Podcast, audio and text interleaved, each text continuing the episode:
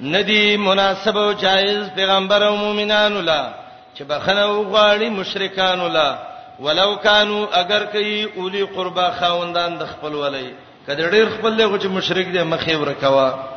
من بعد ما تبين لهم رسداغنا چې خو ته واضح شو انهم اصحاب الجحیم چې د خاوندان د جهنم دي چې کوپر کې مړ شو دلته سوال راځي ولی ابراهيم عليه السلام خپل پلار له بخنه نه وغوښتي ابراهيم چې ته ویلو لا استغفرن لك پلار بخنه الله غواړم جواب د ابراهيم بخنه وا خدا د یو وخت پورې وا چې وعده او سکړې وا چې پلار زبل له بخنه غواړم او کله چې ابراهيم ته پته ولګیدا چې دا د رب دشمن دی او په دې شرک او بيدینۍ کې دی نو تبرأ منه بیت ابراهیم بیزار شبه مشرک لا بخنند غختلې ښا ابراهیم ته پته لګیدلې ودا کلا یو الله ته وحی کړی و چې ابراهیم ازر ایمان نه راوړ او دویم چې دا په کوپر باندې مړ شو او یو حدیث کې راځي ابراهيم عليه السلام به الله ته وای رب تا ما ته ویل دي قیامت کې دې نه شرموم الله دا خلوی شرم دی چې زما پلار جهنم ته ځي وای دا خبره چې وکی جهنم بلاندې ابراهيم ببر ولاړی رب او ته وای دې خو ته دی وګوره چې وګوري یو د کوتري بچي به چې هغه به په وینو باندې سلط پتی پیسا بزیخ متلطخ حدیث د بخاری کې راځي او چې الله تعالی ورکی نه بس سید لړ شو د جهنم منځ ته به وګرځي رب او ته ابراهیم ته فلته و وروا درته ام په خپل دی ورو غرزو وما کان نو استغفار ابراهیم بخنه غختل د ابراهیم علی السلام خپل پلار لا الا ان موعدتن مگر د وجر یو وادین وعده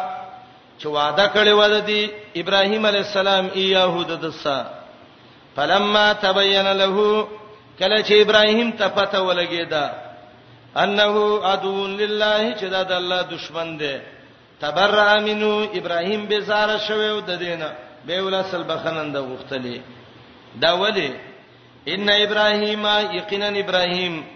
لاواه خامخاډ راجزی کونکي والله تا حلیم ډیر صبرناک وو دا د ابراهیم صفت ده اوه الحلیم اوه چاته وای عبد الله بن مسعود وای کثیر الدعاء د الله نبی ابراهیم ډیر دعاګانې وکړي او دویمه معنی ده د اوه الرحیم بعباد الله د الله بندگانو باندې مهربانه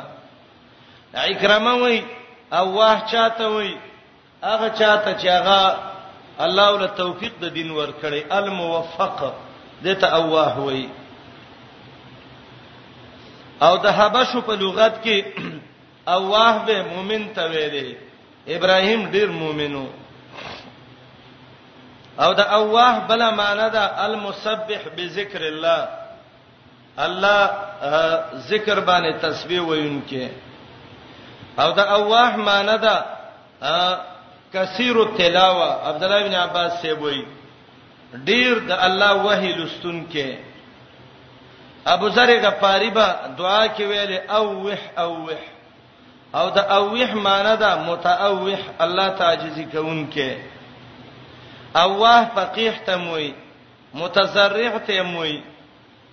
او اواه هغه چاته وای فرا بغوی وای چې د ګناون نړۍ را بخنه غواړي سعید ابن جبیر وای اواه معلم د خیر ته وای عبد العزيز ابن يحيى وای اواه څه ته وای شفیق مهربانه تا عطا ابن ابي رباح وای اواه څه ته وای الراجع عن كل ما يكرهه الله هر شی چې د رب بد شي داته واپس کیږي دته اوه وای پنځل اسماني امام قرطبي د اوه د آیات کې کړی دی ان ابراهیم یقینا بابا ابراهیم لاواه خامخا ډیر عاجزی کوونکې او الله تا حلیم ډیر صبرناکو وما كان الله ليضل قوما بعد إذ هداهم حتا یبین لهم ما یتقون ان الله بكل شیء علیم ا د دې آیات د مخ کې سرابت او مناسبت څنګه دی را چې مخ کې د ابراهیم بخنه و او دلته وای الله یو قوم باندې د گمراتو فیصله هغه پورې نه کوي تر دې چې بیان یې ته نه کړي رب ته ډیر واضح ده هغه ده چې ابراهيم عليه السلام دا کم وخت کې چې کافر له بخنه غوښتلې ده نو رب العالمین دې دې سزا ورکړي کنه نو الله جواب کینا د الله قانون دا دی یو قوم ته گمراه نه وای او سزا په یو عمل نه ور کوي تر دې چې الله ته دا حکم بیان نه کړي او ابراهیم ته دې وخت پورې بیان نه وشوي کله چې ابراهیم ته بیان وشو تبرأ منه دا غي نه څه شي شو بیزار شو دا یودلون مراد ده حکم کول په گمراهی یا سزا ور کول په گمراهی باندې او دې آیات نه دا معلومیږي چې مبنا د احکام شرعیه او د په وحی باندې ده چې ترڅو وحی نه شوي الله چاته گمرام نه وای او د گمراهۍ سزا مولنه ور کوي او دویمه مسله د دینه دا معلومیږي چې مخکې د ورود د شرع نه د یو چا په گمراهۍ باندې به ته فیصله نه کې وما کان الله ند الله ليضل قوما چې حکم د گمراهۍ وکي په یو قوم باندې یا سزا د گمراهۍ ورکی یو قوم ته بعد از هداهم رسدا غنا چې اسلام یو تخکار کړي دي هداهم اظهرهم الاسلام یا رسدا غنا چې الله ته هدایت کړي عذاب نه ور کوي حتا تر دې یبینا چې خو واضحه کله هم دیتا ما یتقون هغه چې ځان ته بچ کی چې دینه به ځان بچ کی هغه ته خو واضحه کی او به ځان ته نه بچ کی نو به الله سزا ور کوي ان الله بكل شيء عليم یقینا الله پارشی باندې پوی دی یو صفت مخ کې ذکر ک الله چا بل د گمراهۍ سزا نه ور کوي چې ترڅو بیان نه شوي دویم صفت الله عالم دی ورپسې آیات کې شپږ صفاتونه د الله نور ان الله الله چې دی له ملک السماوات د لبچې د اسمانونو د اسمان بادشاه ولارز د دویم د زمکه بادشاه دریم یوهی ژوند کول کوي و یومید څلورم مړ کول کوي او نشته ده تاسو له الله نه ما سوا من ولین بل څوک دوست ولا نصير نه امدادي نو ولیم ستاسو الله او نصير او معاونم الله لقد تاب الله على النبي والمهاجرين والانصار الذين اتبعوه في ساعه العسره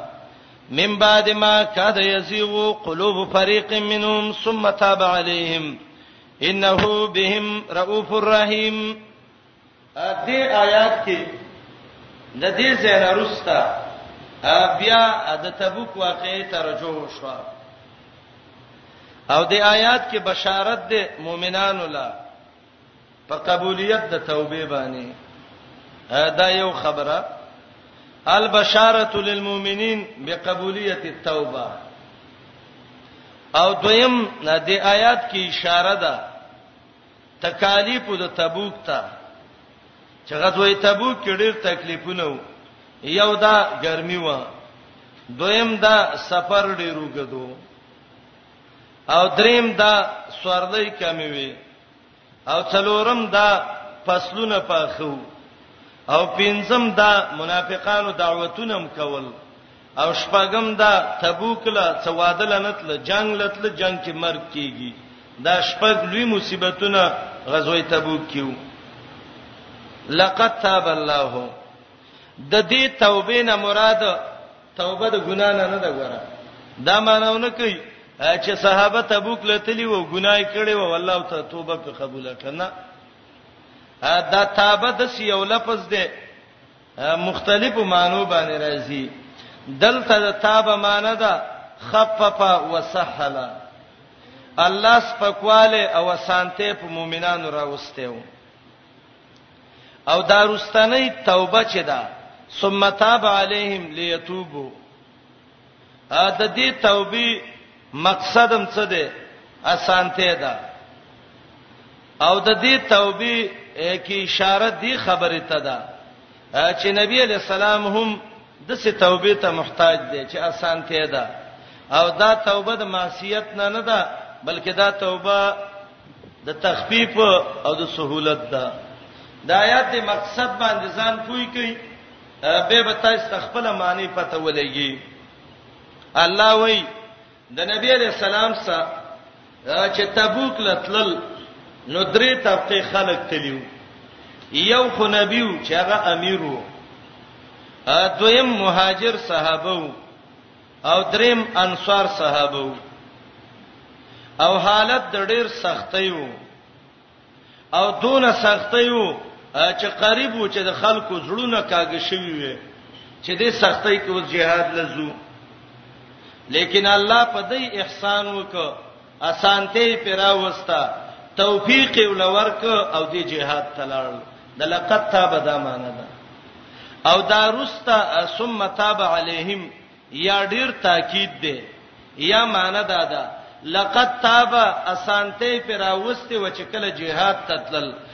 او ثم تاب به په الله اسانته راوسته د دشمن نه اخلاص کړل او رب العالمین چې واپس کړ اسباب ول برابر کړ نه فصلونه خراب شو نه ګرمۍ مړ کړ نه بل څه چلو شو دا توبه ده په معنی د تخفیف سره امام قرطبي وایي لقد تاب الله لقد خفف الله او ساعت العسره تنګ څېړې راو څنګه یو وخبم او لس کسان به ستلل په نمبر په نمبر به سورېدل نه به پیدا روانو یو به په وخ سورو به بارا کوش به به بلو به به بلو جابر رضی الله عنه وی من باندې درې تکلیفونه راغلیو ګرمي و یو سورلینه و دوا وبو خوراک کم مدري دا ساعت العسره وا او د نبی علی السلام صدیر زره مجاهدینو صد پاسا او تبوک اخیرنۍ غزا د چې محمد رسول الله کړی صلی الله علیه وسلم اخر مغازی التبوک امام قرطبی وایي اخیرنۍ جهاد د نبی علی السلام چې کړي وو نو هغه تبوک وو لقد تاب الله یقینا الله سان تیرا واستدا په پیغمبر باندې او اشاره دی خبره ته ده د دین خدمت کوا الله سان تیرا ولی رب سان تیرا ولی خلق دا وای ګرمۍ کې روزه رااله روزه رااله خدای الله توفیق مو سره کنه یره ګرمي ده څنګه قران ته کینو دا خو وګینټه اته ګینټه ناشته الله چې قران ته کینولې د قران کې الله یو خپل یو خوند چلے دی چې دا خوند تا ځان تراکاږي هغه خپل تکلیف بری بیری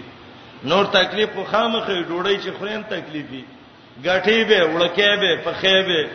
ترکاری به ولګوري او چې د خله کې څوک در کې هم غاخونه به په خوځي رګونه به زړیږي غاخونه به زړیږي مړی به خرابيږي مې دې سره برابر راځي او کنه راځي به تکلیف شي دا هو یو جنت دی چې به تکلیف زه دی عمل ته هم په تکلیفونو زیاسې نشتللې لقد تاب الله الله رب العالمین توفیق ورکړي خان یقینا احسان کړي الله په پیغمبر او مهاجر باندې او دا توفیق د رب په دغه کې ده تقریبا 1990 تفسیر دوره ما کوله او دا ورځې وي شپږ نه وی ونه وړل سخو زمون خواته د بنیر د جنگدره کې درس میکاو بریلې مولا لسپیکر باندې اعلان کړي وای ما کابل ابو زیزب قسم وکم چې داخله ګروجی خوري دا دونه خبرې کوي مې ظالمه تباشي تراشه موږ سره سار نه کینه ما خم دونه خبرې څوک څنګه پروژه کیو کی دا خبرې چې انسان راوباسي د خلینه ولا دا څوک راوباسي الله رب العالمین دا قران د چا دی د الله موږ د چا یو د الله رب توفیق ورکړي او الله باطل پرستو له توفیق نه ورکړي او دلیل دا ویلو چې زه دوه غنټې خبرې وکم زما په ټول سر دري او دوی و غنټه او ته غنټه لګي موږ دا مازیګر پورې درس کوو سار ونیمونه تقریبا مازیګر څلور بجو پر وزمنګ درسو ما ویلو خبره تکوم خپکیګم خو قران کې الله وعده کړی دا چې زه د قران نه هغه څوک منې کوم چې هغه متکبرین او د نبی د طریقو خلافي او اتقان کې سیوتی نه اسباب ذکر کړی دي د فهم القرآن د مننه یو پاغه کې دا ده چې بدعتي سره الله په قرآن نه کوي کوي ادا خو الحمدلله تاسو ټول درسونه کړی تاسو ته پته ده دا یو مشکل چې نه جوړیږي چې دا مړی کله د سلک به سور شي او قران تکینه په ورځ ورځو تکینه والله کده دې په خوان باندې سړی مول شي لقد تاب الله آیات کې صریح دلیل پدې ده چې د طاعات د دین په کارونو کې رب دغه کیدا اسانته ور کوي الله تخفیف را ولي یقینا الله احسان کړي په پیغمبر او په مهاجرو والانصار او انصار باندې مهاجر د مکې نه چې مدینه ته تللیو انصار د مدینه ورونه الذين اغه خلق اتبعوه چې د پیغمبر تابعداري کړې و په غزوه تبوک کې په ساعت العسرا په وخت د تنگسه کې من بعد ما کادا رستداغه نه چې نږدېو یزیغو چې کاږي شي قلوب فريق منهم زړونه د یوډلې د دینه ثم تاب عليهم به په الله سانته را وستا د دشمن نه اخلاص کړه او سانته په را وستا هغه فصلونه مسلونه ارڅول الله په خیر سنبال کړه انه د الله بهم په دې رؤوفن شفقت کون کې دی رحیم مهربان دی رؤوف الرحیم وا وا مهربان دی بیا رحم کون کې نرمي کون کې شفقت کون کې دی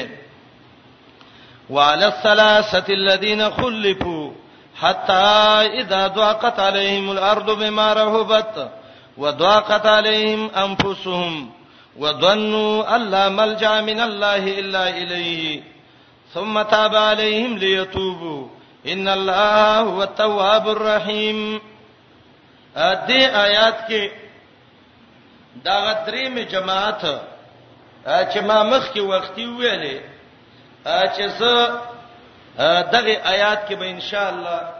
د دې وضاحت وکم قرآن مخ کې ویلی ودتا واخرون مرجون لامر الله او یو دریم جماعت دسیو چې په دې انتظار کیو چې الله به وحي وکي او د دې توبه رسته شوی و دا درې صحابه د یو نومو کعب ابن مالک رضی الله عنه او د دویم نومو هلال ابن امیہ رضی الله عنه دا هلال هغه صحابي دی چې سورته نور کې د لعان واقعا چې کوم راغله دام د دې هلال ابن امیه بارکه وا او دریم پکې مرار ابن ربيع رضی الله عنه دی دا درې واړه صحابه د انصارو نو مهاجر پکې یو نو او د دې درې واړو صحابه واقعا ډېر عجیب واقعا ده مفسرین ذکر کوي محدثین کتاب التفسیر کې راوړي دا یو صحابي کعب ابن مالک رضی الله عنه نبی علیہ السلام ته صحابه ته واقعیا بیانې وای کله چې محمد رسول الله د تبوک اعلان وکړ چې غزوه تبوک ته بزو قسمت ته ګوره د صحابي وای ز په هیڅ یو جهاد اعلان کې دون مالدار نوم لکه تبوک کې چې څونه مالدار وو دا سی وخه می ساتلې و وخت تبوک ته چې د یو صحابي سم نو د الله په فضل باندې دسه روغما چې دسه ز چرته روغ نه ومه عذر مم نو کارونه مم نو سوارلی برابر وا جب مړکو بدن مې روغو خپ صحت تندرستو ما او دسه خوشاله وم چې زه زب تبوک ته زم ان شاء الله د محمد رسول الله سبا مرګرته کې jihad کوم او دا صحابه دي چې صحیح مؤمنان صحابه دي منافقان وبشان نه دي او وای سحر چې وو ز دغه شومه ده د نبی له سلام وته سحر ټیمو د جمعې ورځ و ما ویل چې زه زب سورلی را ساسم خدا مسجد نبوي کې به مونږ وکم زو سن مسپخین نه رستلار شمه قافله وته د مجاهدینو لړ زروانو ما ایم چې مونږ کوم زب سینه مون نه روسته زم مضبوطه سوارلې مې ده او زب دې په زم وای چې کله مونږ مې وک سمیلمان رال او څاغه دا شغلګي سار شوما چې ما وکتل ما وې چې اوس نا وخت لري شپه راځي د سینې چې څوک مې منل کیلار کې ز سحر وختي ببسي وزما ا سحر چې شو را روان شوم مرګرو سره مشوره ځان سره خلکو مشوره راکړه چې نبی رسول الله د شپې مزل کوي او پرون ورځ او بیګا شپه مزل چې کړي نو کستا وخه ارته نه تیز شي رسیدل اپس نه شي فکر کې کینه کعب وای زما د زړه نه یو الله خبرو بس پاتې شومه او نبی علیہ السلام څمرګرو زما تذکره ویل تکړه و چې هغه د سې دی وغه سې دی وای نبی علیہ السلام ته ویل دا مؤمن دی دا خبره باندې کوي دا خبره کوي رسول الله صلی الله علیه وسلم تبوک کې ایثار شو واپس راغه را روان دي زه ځان سره سوچ کوم یو ځل مې ویل چې نبی رسول الله ته دروغ وایم زه دروغ به ته ویم ځان به اخلاص کم باندې ډیری دی او باندې به ته وکم به مې ویل نه جهاد یو عمل دی یو ته پاتې شوی دا ګناه ده او که دروغ وې دا به بل ګناه شي راشه صحیح المحمد رسول الله ته ویوا بس چې څه کیږي د الله په فیصله به وي وای نبی علیہ السلام چې کله راغې نو منافقان ورل او دا د دروغ عذرونه به ویل او هغه به ماف کول ما ته شیطان به به وسوسه را واچلې تم ورشه خما ایمان غالب شماول زدا کار نه کوم نور د سه صحابه چې هغه په اول قدم کې رال جمعات په سيزانونه استنوب سي وتړل الله احسان وک ما ویلو ززه د ټول اخر کې نبی عليه السلام لورسم سيال وتویم کله چې رالم نو رسول الله عليه السلام خواله ما ته ویل کعبه رااله وای مال چاو ویل چې ته منافق هم نه ولی jihad نه پاتې شوی وای ما ویل چې یا رسول الله دروغ نه ویم رښتیا الویم زما سوارلې برابر وا خرچه را سوا خدای دې چې وسم او سبازم او بس پدې کې پاتې شوم د الله نبی صحیح رښتیا مې ته ویلې دروغ نه ویم که د خلکو په شان دروغ ویم زبم ته به ماته اجازه وکې خو دروغو کې خیر نشته کعب وای ماته نبی علیہ السلام ویلې اے کعب ستا په سلب الله کې پاتې غزما د مخینه زستا فیصله نشم کوله وای کله چې درې مورز شو نبی علیہ السلام دو اعلان وکړه یو اعلان دا وک چې د کعب ابن مالک سبا څوک خبرې نه کوي بس زده سره خبرو بایکاټ او دویم اعلان دا وک جواب راولېګ چې خزو ته وی چې د کورونو ته لاړ شي وای ما ته پوسوک مدینه کې معلومات مې وکړه چې د سې رښتې چې دا ما ویل زما نور مرګري شته کنه وای ما ته ویل شو چې دوه مرګري دي نور دي هلال ابن امیه ده مرار ابن ربیع ده درې کسان برابر شو کعب وای ما نبی علیہ السلام پسې جواب ولېګا چې دا خزي جدا کو طلاق ورکو کنه دغه سی ولېګو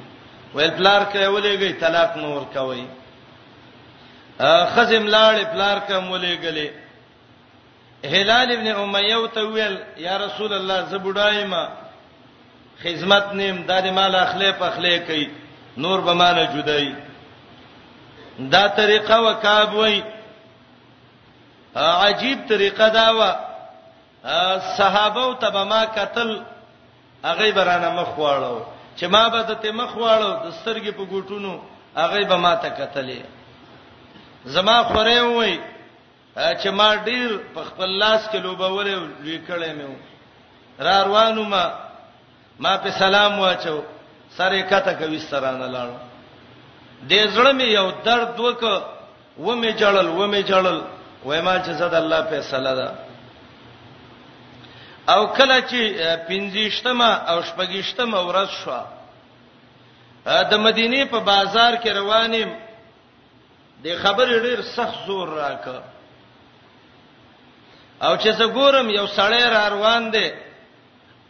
او د بازار د هغه سر نه ته پوس کوي کعب څوک دی کعب ابن مالک وای صحابه چې زما بل خوا مخي اشاره وکي هغه سړی دی چې زه وګورم هغه مخ واړی دا سړی را روانو را روانو اخر دا ما تر ورسید او ما ته ویل تکاب ابن مالک وای مال چاو ویل چې د غسان بادشاه دا خط را کړی دی په دې خط کې لیکلي دي کعب ابن مالک ته چې ته خدای عزت وړ سړی عزتمن سړی او ستاسو مشر ستاسو سره جفا کړی دا زه خبر شوم زیته کړي خبرې باندې کړې دي تعلق یې بند کړی دی راځه زمنګ ملک تراشه یو ډیر د عزت درجه بدر کله کعب ابن مالک وای وای مال دون غسراله چې د غسینه په جړا شوم او په دې زړه کې وایم چې کعبه ته دې حتی ورسېدې چې کافر تا تنند کو پر دعوت درکې وای دا خط راوړون کې مې راونی وته مې ویل قسم په الله کچیرته زمینی عرب او دنیا کې دا قانون وې چې استاد چا وجلې نو ته ما په مرګ وجلې نن تا ته زدون به ایمان ښکارا شوم ته مال کفر دعوتونه خاتون راوړې او ګرم ورو اخته وشل او هغه ته مې ورواچو کابوي وایي د پنځیشتو ورځو نه دې خوا تر پنځوستمې ورځ پورې زما اوښکې ونه درېدې، ما ژړلې په دې خبره. یا رسول الله یا الله دا څه وشو؟ نبی علیہ السلام خبرې نه کوي، صحابه خبرې نه کوي، سلام نه اخلي، زو ته وګورم مخ را نه واړی، کافر ته د څه شوم چې کافر ماته نن دعوت را کوي. سحر مونږ مې وکړه بلې په سر ناستم دعا کوم ګورم چې رب العالمین ته زما یو مخرج وګرځي الله وای وزاقت علیهم الارض بما رحبت زمکه په تنگ شو وزاقت علیهم انفسهم نفسونه را تنگ شو وظنوا الله ملجا من الله الا الیه دای ګمان وک چې د خلاصي بل ځای نشته ما سوا د الله یا الله ته زمنګ مدد وکي یا الله دې مصیبت نام خلاص کی او دا له انسان ته پته لګي چې 50 ورځې دې سبای کټ وشي کعب وای اسمان ته مې قتل الله ته مې جړل ناس ته مچ رب العالمین فمان الرحم وکي الله زمکه را باندې تنگ شو الله لمه نور تنگ شو ناګه ګورم یو आवाज وش ابشر یا کعب یا کعب زیره قبول کا خوشاله شه توبه دې دغه قبول شو کعب وای ما سنور څنو کمیس یا لنګ مې راوغست او دا مې ول زیری کې ورک چې دا واخله زیره ورکول د سنت طریقه ده او چرالم نبی رسول الله را پاتې د غاړې را کړه ماته ویل چې کعب آیاتونه نازل شوی دی الله ستاسو توبه قبول کړه دا درې صحابه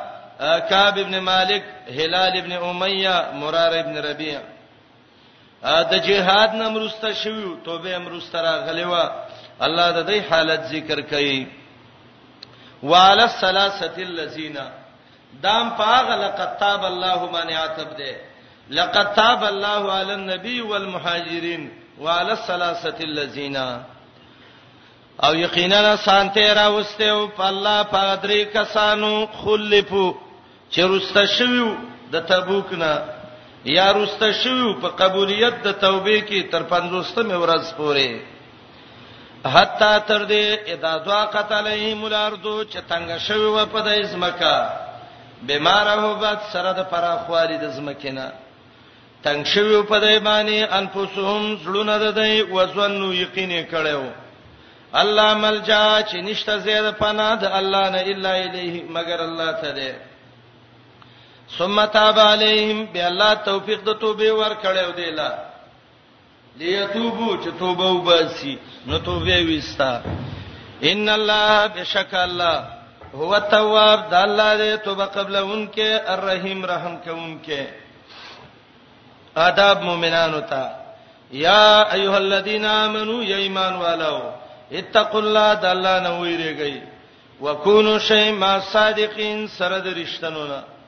رښتینی چاته وای مهاجر او انصار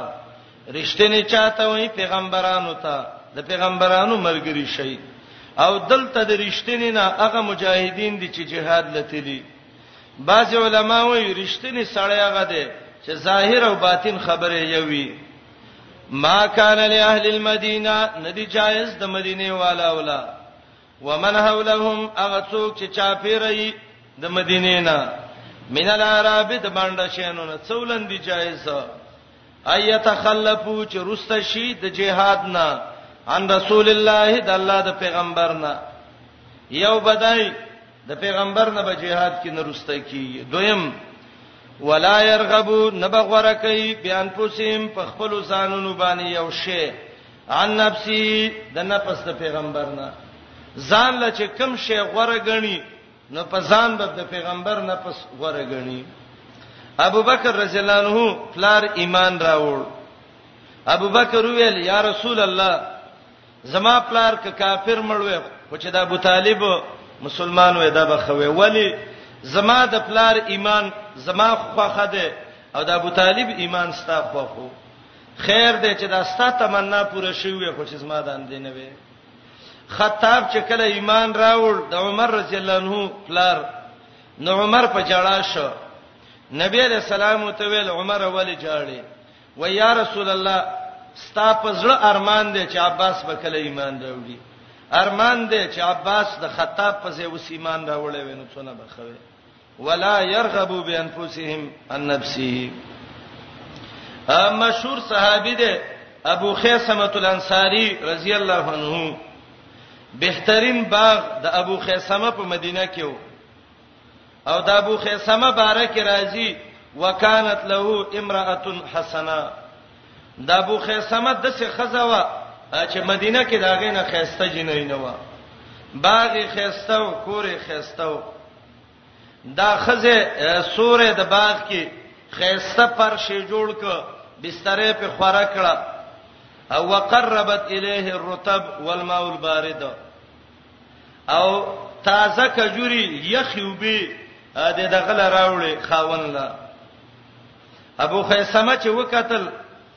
نو ابو خیثمه ویل ذل ذلیل ورتب یانع وماء بارد وامراه حسنه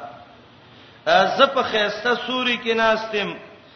تر تازه کجوري دي یخي وبدي خيسته خزه خواته ناستم ورسول الله په الحر والريح او محمد رسول الله به ګرمي او ګرمه هوا کی والله ما هاذا بخیر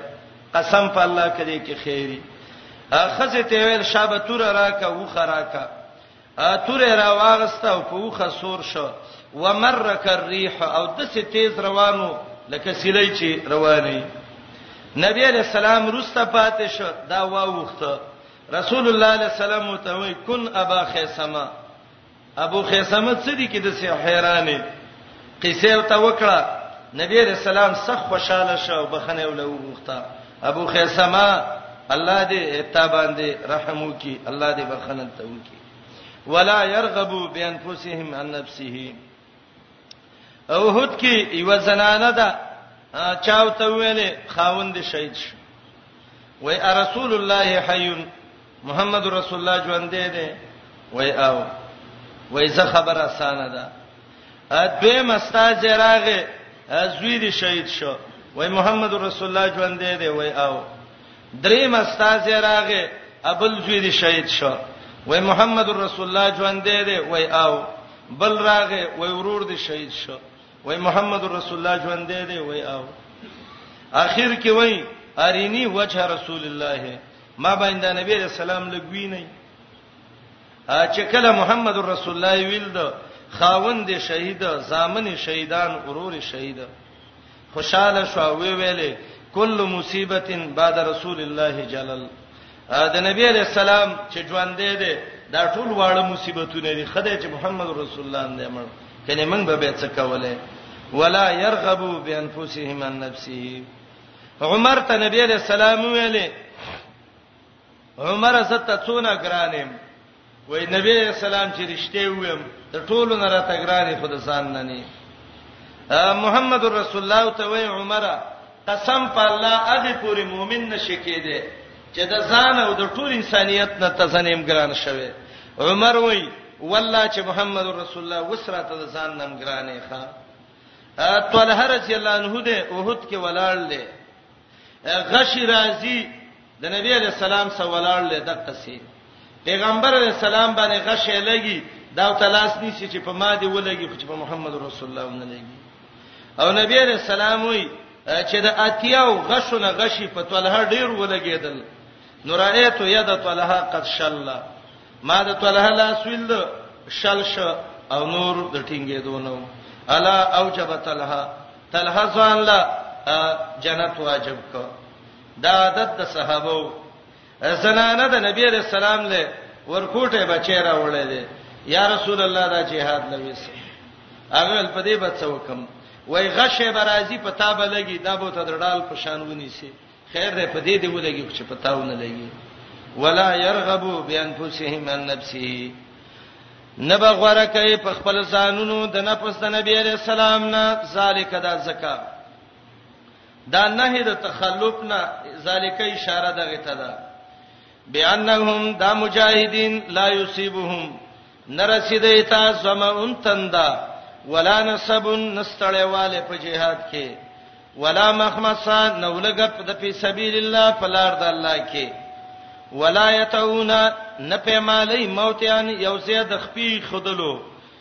یغیظ الکفار چې غصه کیږي کافر په دی باندې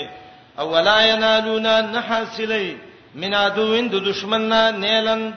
څه حاصلول د غنیمت یا د مرګ د اغو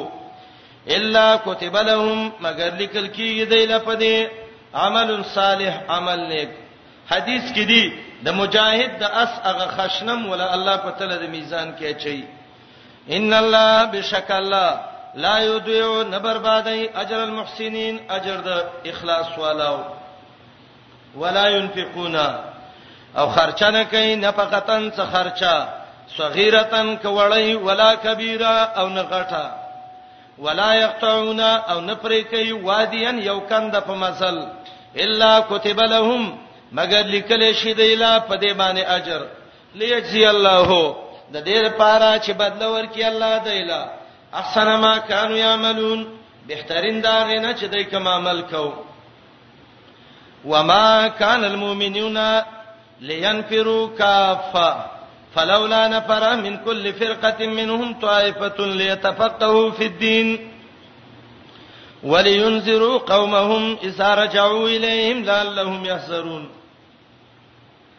دې آیات کې دوه تفسیر دي نور علماوم په کې څه قولونه کړی دي لیکن دا دوه تفسیره ډیر بهترین تفسیرونه دي یو تفسیر دا دی چې د دې آیات د تبوک د واقعې او د نورو سره مناسبت نشته دی دوه د عزت سببونه توبې ذکر کړی دي یو د عزت سبب چې سفر پسې کیږي جهاد په سبیل الله دی او دویم د عزت سفر هغه علم دی علم بکې علم پسې سفر کول دا ډېر اوچته مرتبه لري خطیب بغدادي کتاب لیکلی دی الرحله په طلب العلم الشرعي د علماو سفرونه راجمع کړی دي هغه فلانی عالم دونه سفر کړی فلانی عالم دونه فلانی عالم دونه فلانی دونه د امام زاهبی کتاب تذکرۃ الحفاظ کې امام زاهبی د دې د سفرونه ذکر کړی دي سیر اعلام النبلاء کې ذکر کړی دي او د علماو هغه علمي رحله ابو عمر یوسف ابن عبد البر الدینوی المتوفا 401 شپته داغه کتاب دی جامع بیان العلم وفضله د ابن عبد البر دا علماء دا سفرونه امام بخاری د عبد الله ابن انس هغه سفر چې هغه یو مې شي کړو د یو حدیث ته اتصال د سند د پاره چې هغه بخاری کې معلقاً دی الادب المفرد کې تفصیلی ذکر کړی دی دا مشهور علما او علمونو په سبب سفرونه کول خطیب بغدادي چې محدث مورخ دی دا یو کتاب چې لیکل تاریخ بغداد د خطیب بغدادي اتیا جزء کې حیران شي سړی وتا خطیب بغدادي د د بارک راضي چې علم په سیوته نو د 15 کال عمر وو او چې واپس راغې 15 پته کال عمر یو ښا او خطیب بغدادي وای فكتبت بيدي عده احمال من الكتب ما دون کتابونه لیکلو په دې خپل لاسونو چې د وخانو بارونه پستړي کیخه الله ول عمر کې برکته چلےو دا کبار علما ابن سعد چې مشهور مورخ دی امام سمانی هغه درې مشهور علمی سفرونه ده دی چې یو شل کالو یو دولس کاله یو اته کاله بعد علم په سبراتل منګنی مورستیره کو په سرم دریخه دا علماو امام احمد بارک رازی مغنی دی مقدمه کې لیکلی دی یوزل یحیی ابن معین ته ویلې رازا سناو الیمن کې یو عالم دی عبدالرزاق صنعانی دا مشهور محدث د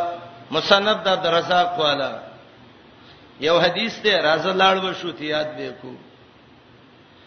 نو یحیی او توي راځه د حج ورځې دي حج به وکړو به به زود سینو او ډېر مزل دی خوراک را واغست هغه خلکو صد علم قدرم وو تواب کوي دواړه روان دي قسمت ته ګوره کله چې رکن یمانی او حجر اسود مین لرازي چې مخ کې تواب کې ګوري چې ګوري عبدالرزاق سنانی روان دی نو یحیی او توي احمد الله احسان وک د یومش مزل نخلاص عبدالرزاق دې دغه د شیخ شته دې د مسالې ته په حدیث ته پوس بدیو کو امام احمد وته وی چپ شخله ته ډانګي په لاس ودرېګا علم بنه به قدر کې د خپل عبادت لراغله فرید چې په خپل شوق خپل عبادت وکي او زمنګ علم ته ضرورت دی کور ته به ورشو سي ا ملاو شو یو بل سه غاړه ملاو کړه ا د یو بل قدر اکرام وک نن سبا خو به لار کې روانې کلک به د لاس نه ونی سي دا خبره څنګه ده د یو مسلې د یو شی حیثیت معلومول غواړي عبدالرزاق سنانی مخ کې روان دی دای په سروست زی امام احمد وای اکل چې اتیشتم ورځ شو نو موږ د عبدالرزاق سنانی کور ته ورور رسیدو راوت ویلک احمد او دغه دا یحیی د الله بندگانو دی یو حدیث لراغلی وای انو دا مال ته ویلې وې ما به ته ویلې وې امام احمد وتوینا ال تستا حاجتو دلته زمون حاجت دی او چرار وانه دل امام احمد ته دا غزوی کتاب السنه کې عبد الله ابن احمد وای زما پلار ته لس لاک احادیث سندن او متنن یادو وای را روان شو عبدالرزاق سنانی आवाज وکړ احمد لګ ودرېګا وای چې ودرېدو یحیی وای وای ته پوسې ته وک چې ته خو خپل محدث تبه طالبې بستر د کم وخت پورې ګرځې نو امام احمد وتوي مع المحبره الى المقبره دا د سیاهی دوات او قلم او دا زړه بشتره د دې ولینه به د علم په طلب پسې هغه پورې نه کوزم چې ترڅو قبر کې را لسر تر سرګړي بالا خم نه دی ښه مال محبره ال المقبره دا علماء ډیر خيسته امام محمد ابن جرير تبری باره کې راځي چې زنکادن او زنکادن کې چا دعا ویل د ویل کافر حواله درله ولي کوي شاګرد وتوي دغه دی دا استاد ته هر وخت پوری دا وخت ده دا خو بل حالت ده هغه وای مؤمن بچره د الله د دین د طلب نه نه دغه کی مړیږي او تاریخ لیکي چې امام احمد ابو غدا خپل تاریخ کې لیکلي دي د علماء او عزاب کې چې ابن جرير دا دعای ولیکله جب کې کې خدا او 15 یا 18 منټه وروسته ابن جرير وفات شو او د ابن جرير ټول کتابونه چې راواله او د د په ټوله ژوندۍ تقسیم کې نو هر ورځ څوار ل څوار ل صفحې برابرېږي د کې بده ما شومو بیمار بمو علم بهترین سبب دی سعید ابن المسیب وای زبوما حسن بصری بو او د یو یو حدیث د پاره موږ به په ورځو ورځو مزلونه کول صحابي د مصر نه راغلی دی مدینه ته د یو حدیث د پاره او صحابي وای کما ته څوک وای چې برکل غمات کې چې دا د درې ورځو د مدینه په فاصله باندې دی یو عالم شته دی او مونږ ته یو خبره د دین خې سبب سه زمال تخا اول ته بوتناستم امام مالک وای یو ځل امام شابی مونږ ته ویلې چې تاسو ته به دین زکه سپک ښکار کیږي چې به مهنت تکور کې ملاويږي مونږ به یو یو حدیث پسې په میشتو میشتو مزلونه کول نو یو د عزت سبب ذکر ک جهاد وس دویم د عزت سبب ذکر کړي چې هغه علم دی او د علم باره کې وای ټول مؤمنان به علم پسې نه وځي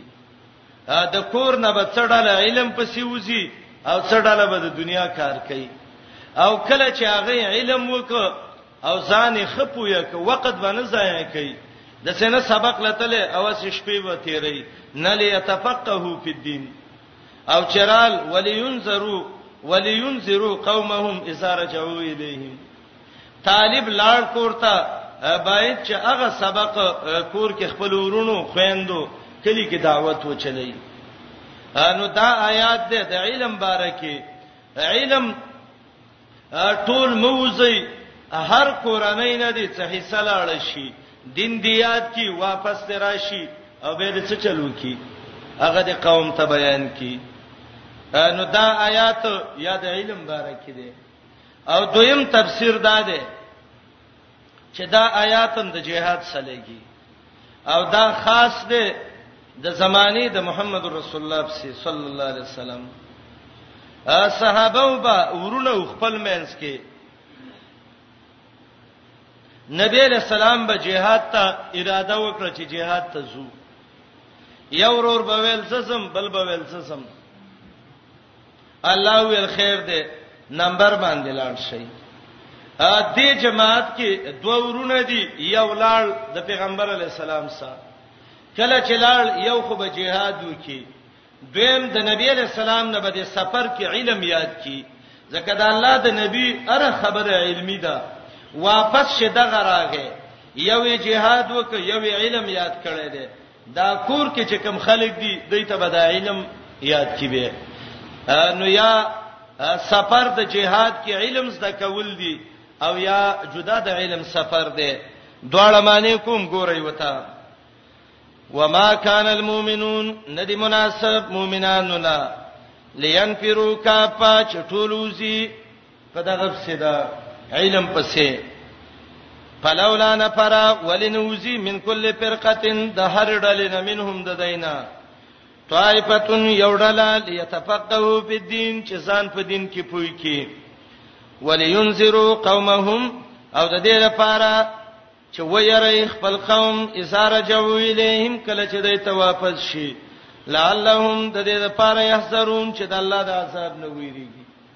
نو دا آیات ټول د علم سره ولګیدل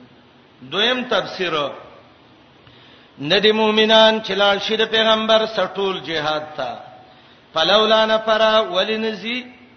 من کل فرقه د هر ډلنا منهم د دینه طائفه وړله چې د نبی علی السلام سلام شي او چې لاړ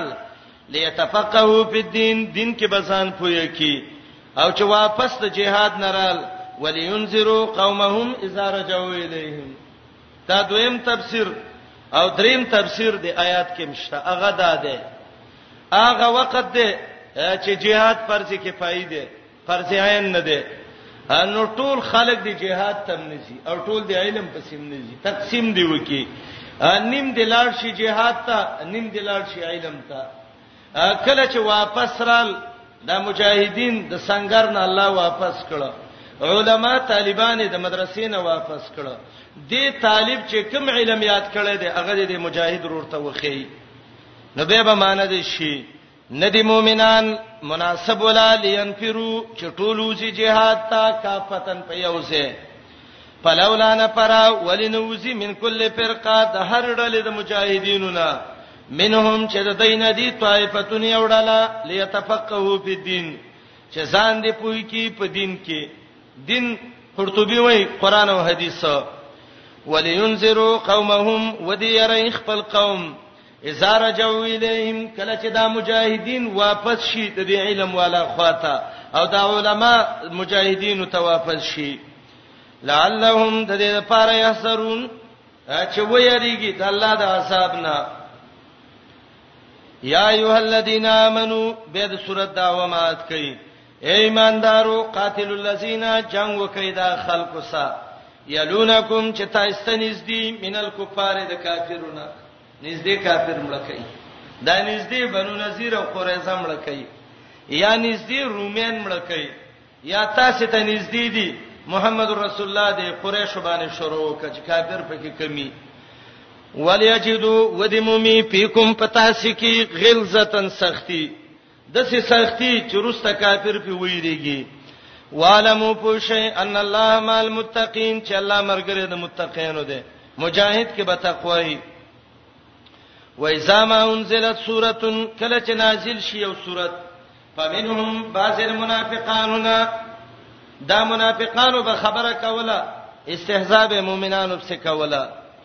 من هغه څوک دی یقول چې وای ايکم کم یو پتا سي کې زاد دو زید کا غلا هذه د صورت ایمان ایمان منافقان استحسان وي الکه کم یو ایمان زید کا جواب هر چا خلق دی چې ایمان راوړی فزادتهم زیتای دی لا ایمانن ایمان وهم یستبشرون او دوی خوشحالي کوي په دې باندې او هر چا خلق دي چې زړونو کې مرزون منافقت مرز دي یا بوزدلی ده فسادتهم سیتای دی لا رجسن کوپر ده دي الارسیم سره د کوپر نور نه رجس پلیتې ته وای دلته غ پلیت عمل کوپر ته مراد ده وماتوم لکیږي وهم کافرون د کوپر کوونکی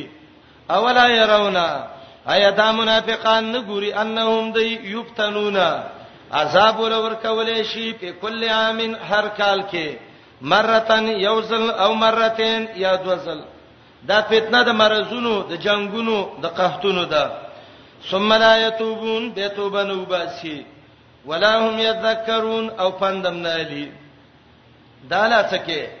وای زما انزلت سورتن کلا چې نازل شي او سورت چې هغه کې دلته څه نقطه ولیکي چې پاغه کې عیب د منافقان وي نظر بازوم الی بازن ګوري باز منافقان بازو ته د سترګو په ګټونو یو بل ته وګوري څه وایي هل یراکم من احدن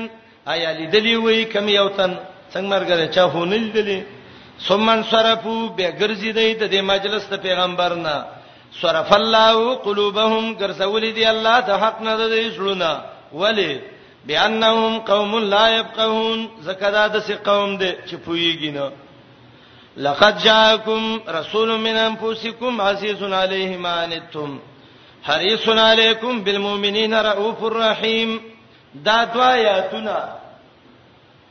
او ابی ابن کعب رضی الله عنه به ویلي قران کې دا اخیرنی آیاتونه نازل شوې دي خو قول راجح دا دی چې اخیرنی آیات په قران کې وتقو یوما ترجعون فيه الى الله دا دی اخیر د صورت دی د پیغمبر او د توحید تذکره وکړه دغه څه پیدا ده فائدہ ده ده اے مجاهدا ک جهاد دی قبول غواړي یو با عقیده د توحید کې حسبی الله لا اله الا هو اے مجاهدا ک جهاد دی قبول غواړي د محمد رسول الله اتباع وکړه لقد جاءکم رسول من انفسکم او دویمه خبره منافقان چې دي کافر مؤمنان دا ټول مخلوقات سورته توبه ذکر کړه کامیاب انسان هغه دی چې عقیده د توحید او د رسالت او د سنتي د دې وجنه توبه اخر کې دا دعا آیاتونه راوړل لقد جاءکم یقینا راغله تاسو ته رسول پیغمبر من انفسکم تاسو د جنس نه ده نور نه ده بریلین وای نور ده نور نه ده من انفسکم تاسو د جنس نه ده کته نوري دابم نوري او کته نور نه نو دابم نور نه صفات د پیغمبر عزیزن علیه ګران لګي په پیغمبر ما عنتم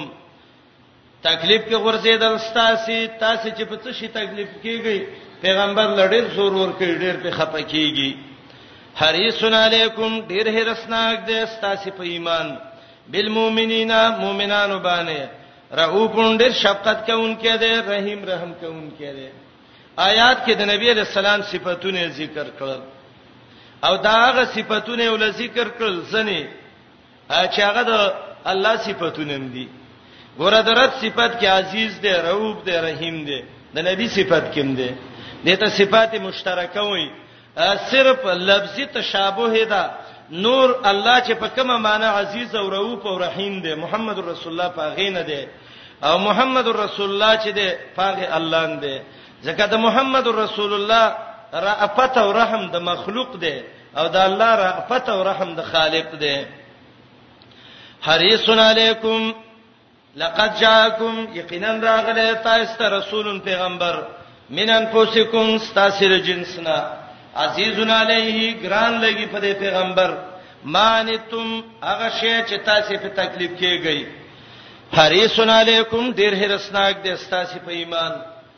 بالمؤمنین مؤمنانو باندې رؤوف شفقت کوونکی دی رحیم رحم کوونکی دی فین تولوا کدا خلق وګرځیدل د پیغمبر د تابعدارین فقلت وایا حسبی الله پورا د اسما الله کافی د اسما الله لا اله الا هو نشاقدار د بندګۍ مگر یو الله دی علیه توکلت خاص په الله میزان سپارلې علیه جاری مجرور رسته توکلتو پورې متعلق دی خو قاعده دا ده تقدیم د ما حق او تاخير پیدا کوي څه حسره او اختصاص علیه توکلتو خاص په الله می ځان سپارلې بل چا باندې ځان نسپارم وهو رب العرش العظیم دا الله دې مالک دا عرش شغړې لوی دی نبی رسول الله به بیمار دمو او دا به وتویل اسال الله العظیم رب العرش العظیم ای شفیق اغه الله په نوم سوال کوم چې د لوی عرش مالک دی چې الله دې تاروخ کی ا توبه ختمه شو مسله د جهاد وا او د مخلوق اقسام ذکر کړه بسم الله الرحمن الرحیم الف لام را تلک آیات الكتاب الحکیم یونس ترتیبا لسم سورته ده نه سورتونه د دینه مخ کې ختم شو فاتحه بقره ال عمران نساء مائده نام اعراف انفال توبه نزولا یو پنځوستم سورته ده بنی اسرائیل نرست نازل ده د دې صورت د توبې سره به ته توبه کې اعلان د برائت وکړه د صورت کې د مشرکینو د یو شبهه جواب کړي ته اعلان د برائت کې د الہ خزمن سفارشین دي هاولای شفاعنا عند الله اتلسم آیات کې به درې آیات کې بلدي شبهه جواب وکړي دریم آیات کې وایي ما من شفیعین الا من بعد اذنه د الله څخه څوک سفارشی نشتا اتلسم کې به پیرت کوي یا مخ کې هغه فرقو باندې رد وک چې د الله د کتاب مخالف دي یونس کې ډېر ترغیبات ذکر کوي قران ته یا مخکې داوه د توحید وا یونس کې و عقلی دلیلونه ذکر کړي په توحید د سورۃ داوه دا الرد علی الشفاعت القهریه د مشرکین سفارش چې دا زمنګ سفارشین دی الله ته هغه باندې رد کړي درې میات اتلسم کې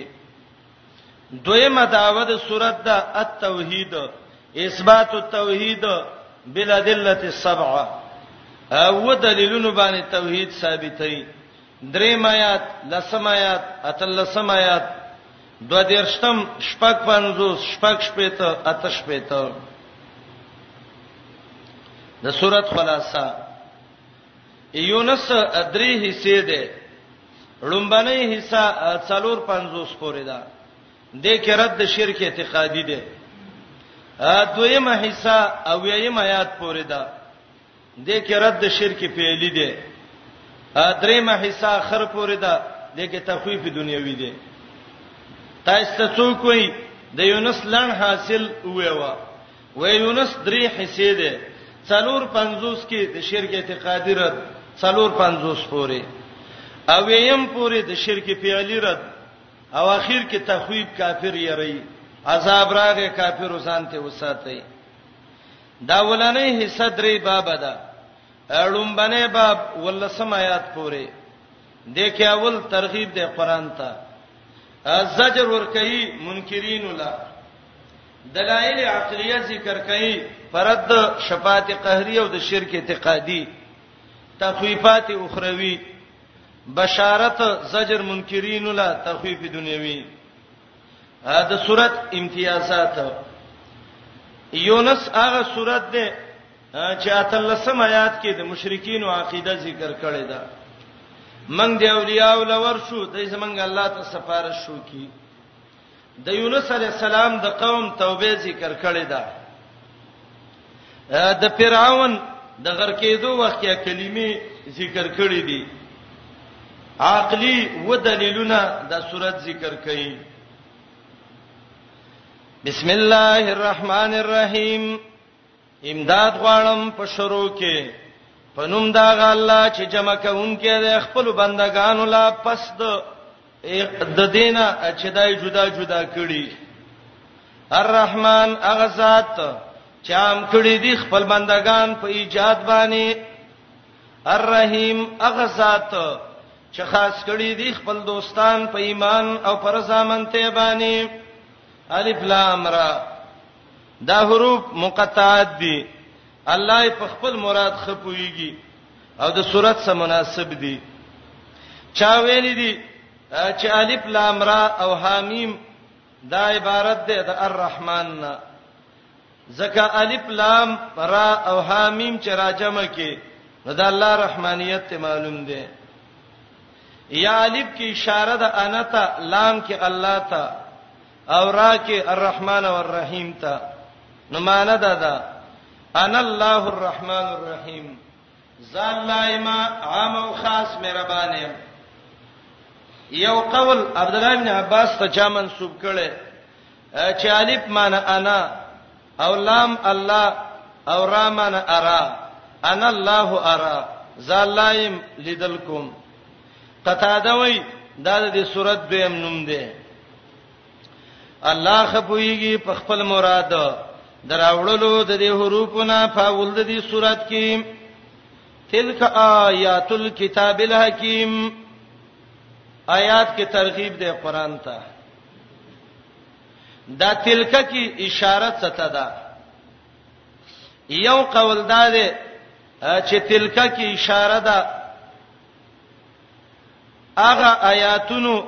د تورات او انجیل او د مخکینو کتابونو کې چې کوم قران د اغه نه نقل کړي دي قطاده دا معنی کړي ده قطاده وای چې تلکه کې اشاره ده هغه تورات او انجیل او کتب متقدمه او دویم قول دا ده نو معنا به بدای تلک آیات الكتاب الحکیم دغه تورات او انجیل او نورو کتابونو کې چې کومې خبرې دي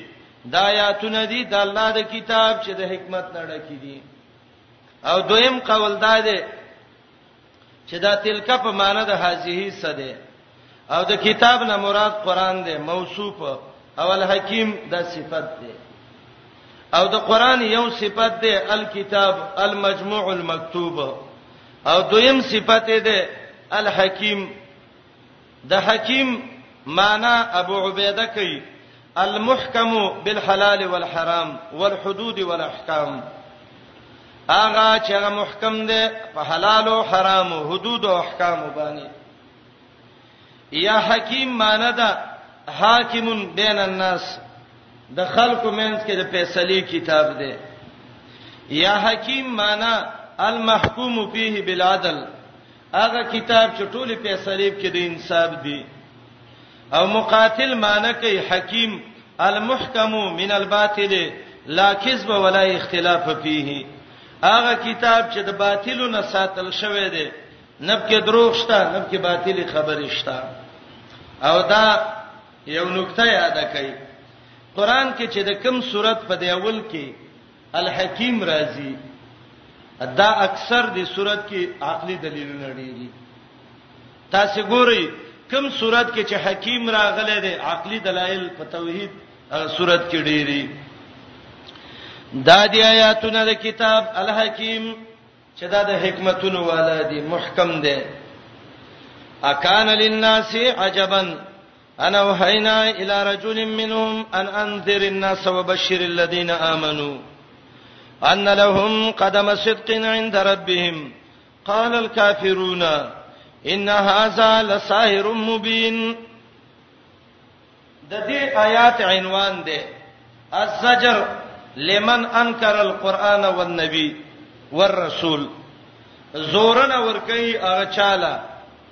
چې قران نه مني نبی نه مني پیغمبر نه مني او اکان للناس کی دته استبهام د توبیخ وای استبهام توبیخی کې دا قاعده ده چې پرستانه خبره باندې زور نه ور کوي او ترکیبی لحاظ سره د عجبن د کانه خبر ده او دا ان او هینا الی رجل منهم دا ټول چې راواله دا اسم د کان دی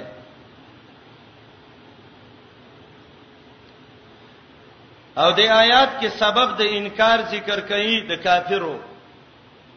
ا دې کافرو د قران نه انکار وکولي دوه خبرې ناشنا حساب کړي یو دا ویلې ناشنا کتاب دی ناشنا خبرې کوي او دویمه دا ویلې ناشنا پیغمبر دی او ناشنا خبرې کوي دا خبره او ته ناشنا ښکار شو وسی یو پیغمبر یو سړی وي او په دبه وحی راځي عجیب د قران یو نکته ته وګورئ د کافر د مکی چې وو الله تبا کړه ولی دین واورید او دا ته ناشنا ښکار شو او وی ویل منګه ځکه نه منو چې دا ناشنا خبرې دي وسم چې څوک حق وای او یاره وای ناشنا مولا دی ناشنا خبرې کوي دا نوې خبرې کوي لیکن دغه عجبواله ناشناواله الله د پیرانو د جنت سبب وګرځاو د مکی کافرو تعجب وکپڅ پیغمبر دی ناشنا خبرې کوي او دا ویلې واجبو انجاهم منذر منهم دا ناشنا خبره ده چې سړی مونږ ته ناشنا خبرې کوي لیکن پیران چې کلرال او د الله د نبی خبره واوریدا نو وی ویلې خبرې خو ناشنا دي خو پیدا ډیره ده خبرې ناشنا څنګه دي ان سمعنا قرانا عجبا ناشنا خبرې مو اورېدې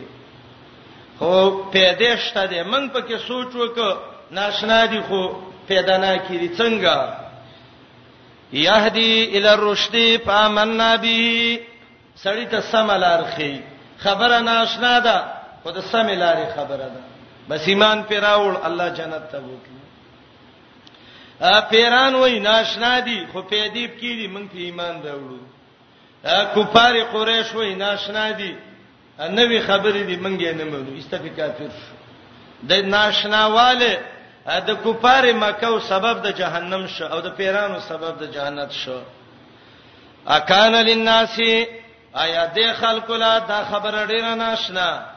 چې وه کړي دا من یو سړی ته دینا وه کې څه خبره ده دوه خبرې دی یو ان انذر الناس چې خلق ویره ود الله د عذاب نه دویم زیر ورکا مومنان لا ان لهم چشته دی دیلا قدم صدق مرتبه ډیره اوچته عند ربهم پنيز درب ددی قدم صدق اوچته مرتبه ابن عباس رضی الله عنه وی اوچته مرتبه څه ده هغه نیک اعمال چې د مخکلي ګلی دي ما قدمو لانفسهم من الاعمال الصالحه ا عطاوی قدم صدقین څه ده داغه جنت ده چې لا زوال له ولا یساوی هی شیئون جنت چې نه ختميږي نو څوک بل شی برابر شته ده زید ابن اسلم به ویلي قدم صدقین څه ده د پیغمبرانو شفاعت زجاج وای قدم صدقین څه معنی درجه عالیه ربيع وای قدم صدقین سمانه ثواب صدقین د رښتیا او بدله عطا ابن ابي رباح وای قدم صدقین سمانه مقام صدقین هغه جنت چې د رښتینو خلکو ځای دی بهترین شی رښتیا دی الله جنت ته د رښتیواله سبب د جنت د تلو وګرځاو او بهترینی مرتبه ول ورکړي زیر ورکا خلق لا چې ایمان راوړې ان لهم یقینا شته دی لا قدم صدق مرتبه او چته د رښتیا عند ربهم پنيز درب ددی قال الكافرون کافر بویلې ان هاذا یقینا دا پیغمبر لساحر خامخا جادوګر نه مبین ښکارا دا جادوګر دی راڅ خبرې چې کوي دا ټول په جادوی رواني کړی دي دلایل عقلیه ان ربکم الله الذی دا ولانه دلیل دی او دې آیات کې د الله درې صفاتونه دي یو الله خالق دی خلق السماوات دویم الله په عرش باندې دی ثم استوى على العرش دریم مدبر دی یدبر الامر د ټولو کارونو تدبیر کوي دا درې صفاتونه د الله بشکا رب ستاسو الله دې چې پیدا کړی د اسمانونو او زمکه په ستت ایام په مقدار د شپږو ورځو کې بار بار د آیات تیر شوه دی ثم استوى به الله برابر دې د خپل شان مناسب پارش باندې یدبر الامر تدبیر کوي د ټولو کارونو الامر کې الف لام استغراقی دي د ټولو کارونو مدبر الله دی د اندوانو دا خبره غلطه ده چې کومه دا غي وید کتاب کې لیکل ده چې دنیا اوس د غوي په خکر ده او دا څه کارونه چې په کوي دا په غوي کوي ښا یدبر الامر د مجوس عقیده غلطه ده چې هغه به ویل جامع البيان والعقيده نقل کړی دا دنیا اولیاء ټینګه کړی دا لولا اولیاء الله لزل کدا الله اولیاء نه وي الله نه په خوا د حکومت ګډوډ شوی وي د فلسفه او عقیده غلطه ده چې هغه وی عقل فعال لسم عقل منتظم دی د عالم ولی الله یو دی یو یو کې شل کارونه نشي کولای عجیب خبره ده عقل فعال څه زر دی خو یو دی د دهریو دا عقیده غلطه ده چې انقلاب په عالم کې د ماده ناراضي او مدبر د دې عالم نشته دی د دهریو دا پلیت عقیده و یدبر الامر الله د ټولو کارونو تدبیر کوي هیڅ کار الله یې چاته نه پرېخه باسي وای دا دنیا د چا د مخه ټینګه ده د چا د څټ نم ټینګه ده دګوروي دنیا وای د چا د مخه ټینګه ده او ضرب وای مشکات کې حدیث ده چې په دې شام کې څه خلک پیدا کیږي با نو قبادی نو جبادی ابدال دی بهم ترزقون او بهم تنترون او بهم تنصرون د دې نوجباو او د ابدالو د نقباو د ټول په سبب بارانم کیږي رزق هم درکیږي وګوره صاحب مشکات راوړې ده راوړې یو شی راوړې ده مشکات خو پس د ثالث کې د مشکات اکثر روایتونه صحیح نه دي چیرته لګ لګ پکې صحیح دي دا روایت د نقباو د ابدالو د نوجباو مولا علی قاری داغه کتاب دی الموضوعات الکبرى کې هغه وای دا ټول واهی او د دروغ روایت دي عجلونی داغه کتاب دی کشف الخفا ومزيل الالباس مما اشتهر من الاحاديث على السن الناس عجلونی وای دا روایت ټول صحیح نه دي شیخ الاسلام ابن تیمیه مستقل کتاب په دې لیکل دی الفرقان بین اولیاء الرحمن و اولیاء الشیطان هغه وای د باب کې چې څونه روایت دی یو صحیح نه دی یو دبر الامر د ټولو کارونو تدبیر څوک کوي الله رب العالمین کوي چاته الله سپارل نه دی یو کافر بی دینه الله دې ذلیل کی او الله دې قبر کې په ور ولګي یو کتاب لیکل دی ا کتاب ما سمو ما ساتلو چیرته یو طالب رور رانه پټ کا الله دې په دم رحم وکي طالب سره د چانه کتاب پټول دا ته ثواب ښکارا کیږي او زر داوي کچا غلا وکړه نو قیامت کې بغلا وسی نو ما سبلاس کې کتابي نه مې یغلل یاته بما غلا د څه بدینې چې کتاب به درکړې او تا به ترخ کې نیولې یو سړی چې د جمعات نه قرانونه پټ کی او قران لاس کې نیولې یو باري ونی چې خلک څه وي دا ظالم ګوره جمعات نه قرانونه پټ دي جمعات غل دي دا کتاب به د لاس کې او دا کتاب دا به راغستې او په دې سر به لنیولې چې دا غ بدبخت دی چې د بل نه کتاب پټاو دا مانند چې دا د فخر خبره ده طالب سړی ته شی بنور کې اما قران لیکلو تقریبا د یو څولېختو تفسیرونو نه او ډیر خیسته خواري مې په کړې و زمنګ یو مرګره و مولوی عبد الوهاب الله دې عمر کې ول خیر واچي ما ته ویلې وای دا لزلی کم صفا کوم ډیر خیسته ولیک طالب راغې وای مولوی سردارا کا زما چټي ده یو څورج به لیکل ته وکم تقریبا 1995 95 تر اوسه پورې نه می طالب په مخ راغې نه می قران په مخ راغې دا کتاب ما پیدا کړو لاهور نه میزان سره وړو او ما د یو بریلی بی دینه ناغسته و هغه خدای والی ما نه استپټ ک د کتاب نوم الغوسیه په نوم باندې او د شیخ عبد القادر جیلانی صفت یې لیکلو چې شیخ عبد القادر جیلانی هغه سړی دی چې د ملائکو تدبیرم دا کوي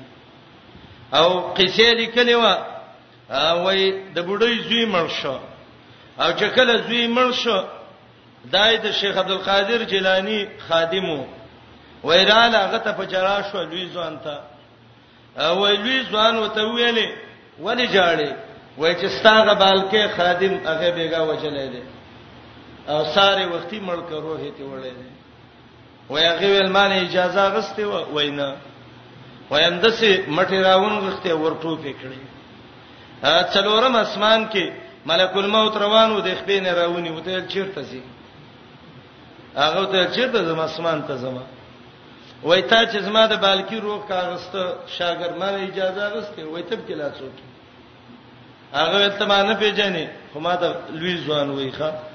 او لوی ځوان سواړه ځوانان نشي چلیدل وای هغه ته ویل چې د څه وکا چې دا څونه روحونه صدشکرای کې دي ټوکرای کې د مشرکانو داخل لچ د ملک الموت د روحونه وړي نو دا طالب چې وظیفه راټولې او ټوکرې وندي کې چې د شکایت چلی نه وای ته ویل چې دا را فریدا ویل چې نه وی ویل چې خیر دی دا خپل دیوال ویل چې اوس خپل خپل نه کی او تلاش کړي او شکرې تر اوښله ولا او په دغه ورځ چې څونه مړی شوی کدا غودا چاله غسل ورکول را پاتېدل څو خبر کې ودرېدل او څو را پاتېدل ملک الموت ویلال الله ته په جړاش دغه کافر په کتاب کې لیکلي دي الملحد الزنديق الکافر په الف لام سره وای رب ته وی رب ته ویلې چې دا تا چاله لګلې وای قصې او ته وکړه وای الله ته وی چې چپ شاه زوره ور دې زمنګم په وسنه کې الا یاذ بالله دا بی دیني بیا کافر لیکي وای د زمکه څه چې دا د اسمانونو د ملائکو مدبر دی یدبر الامر د ټولو کارونو تدبیر څوک کوي الله رب العالمین په دنیا کې چې څلور پنځه زره خره راجمه کې والله کړه دې قما خلتوب یو مشرک ته ورسی مشرک عالمی خري او چې عالم مشرک شي هغه د ټولي دنیا د خرونه غټ خري ځکه الله ته وایي د سپي او د خر مثال دی یو دبر الامر تدبیر کوي د ټولو کارونو ما من شفیع الا من بعد اذنه دی ویل د ازمن سپارښین دی الله وی نشته ده د الله سره څوک سپارشي مګر پس دا غنه چې الله اجازه وکي الله به اجازه قیامت کې کوي اولنې اجازه به محمد رسول الله ته کیږي انا اول من یشفع ما من شفیع الا من بعد اذنه امام ماوردی درې معنی دې جمله کې کړې دي یو معنی ما من شفیع یشفعو الا بعد اذن الله بالشفاعه نشته یو سفارشی چې سفارش وکي مګر رسته داغنه چې الله په سفارش اجازه وکي ما من شفیع یشفع الا بعد اذن الله له بالشفاعه دویمه معنی سعید ابن جبیر کړی دا ما من شفیعین ما من احدین یتکلم عنده الا باذنه نشته د سیو تن چې د الله سره خبره وکي مګر د الله د اجازه او دریمه معنی شفیع د شفع نه دی یو وتر دی چې یو یوازي یو شفاعه ده چې دوه یو ځای شي ما من شفیعین من ما لا ثانی له د الله سدویم الہ نشته دی چې هغه سره شفاعه شي او کرب اجازه وکي چې زبل الہ پیدا کوم خو الله د اجازه نه ده کړې ذالکم الله د دې صفات والا الله ستاسو رب دی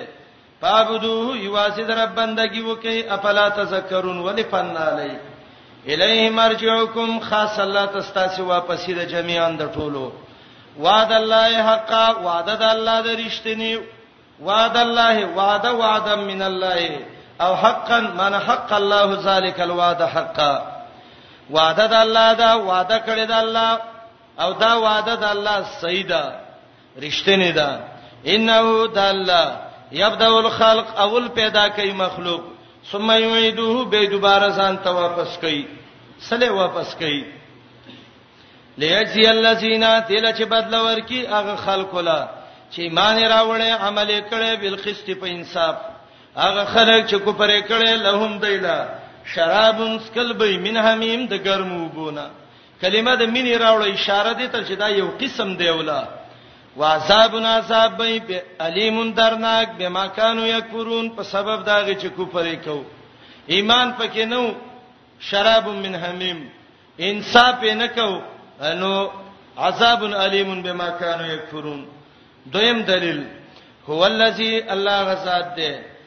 جعل الشمس چې ګرځولې د نور دیان پړقیدون کې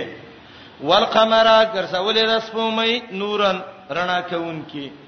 نور ته ضیا ویلې او قمر ته نور ویل زکه ضیا هغه رڼا ته وای چې د دې مخې ته چی نه او نور هغه رڼا ته وای چې دې کې مخې ته څه شي سپومې د مینس کې الله یو تور ټکی لګولې دی هغه تور ټکی ادا دی چې د سپومې رڼای په کمه کړی ده ان شاء الله سورته یاسین کې به زه ویم او باج علماء وی چې د نور رڼا ته زیا ویلې او د قمر هغه ته نور ځکه نور القمر مستفاد من نور الشمس د سپومې رڼا د انور نه چار جلی او وقدره منازلا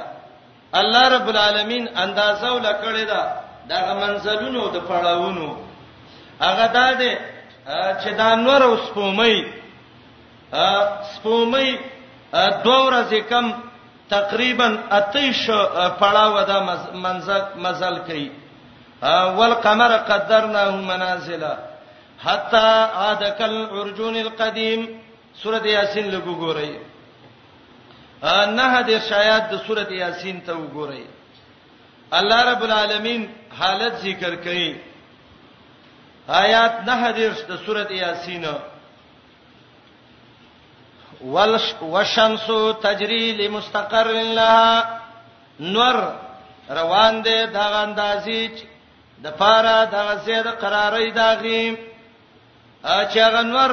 رواني مستقر داغه چې کله اقصا مرتبه ته نور ورسیږي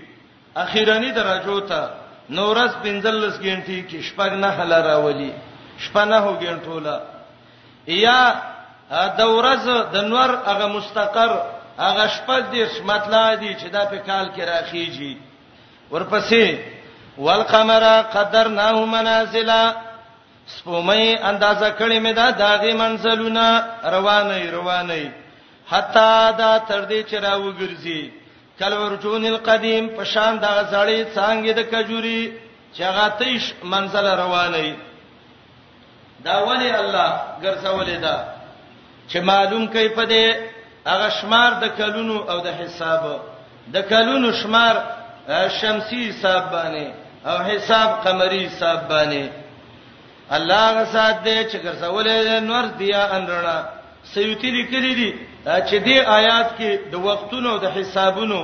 هغه وخت الله ذکر کړی دی او تاریخ او منازل القمر دا د دې آیات نه معلوم شوی دی والقمر ګرځولې د سپومې نورن رڼا کوونکی وقدره اندازه کړی دا منازل پړاوونه لتعلمو چې پته تولګي عدد سنین شمار د کلونو ول حساب او حساب د تاریخ او میشتو ندی پیدا کړی الله دا الا بالحق مگر پرشتیا یا د پاره د اظهار د حق چې توحید دی یا په خپل حکمتونو یفصل الایات جدا جدا بیانې آیاتونه لقوم د پاره دا قوم یعلمون چې پويږي دریم دلیل عقلی ان فی اختلاف الليل یقینا په بدلیدل را بدلولو د شپې او د ورځې کې ورځ بدل کې شپه راولي شپه بدل کې ورځ راولي وما خلق الله فی السماوات والارض او هغه څه چې الله پیدا کړی دي اسمانونو او زمکو کې لآیات لقوم یتقون خامخا دې کې نخې د الله د قدرت داغه قوم چې د الله نه یریږي یا د شرک نه ځان بچ کړي اڅلور شینه ذکر کړه آیات کې یو شپه یو ورځ اسمانونه او زمکه او وی ویل د ار یو کې د الله د قدرت نخې دي که څوک تقوا حاصلې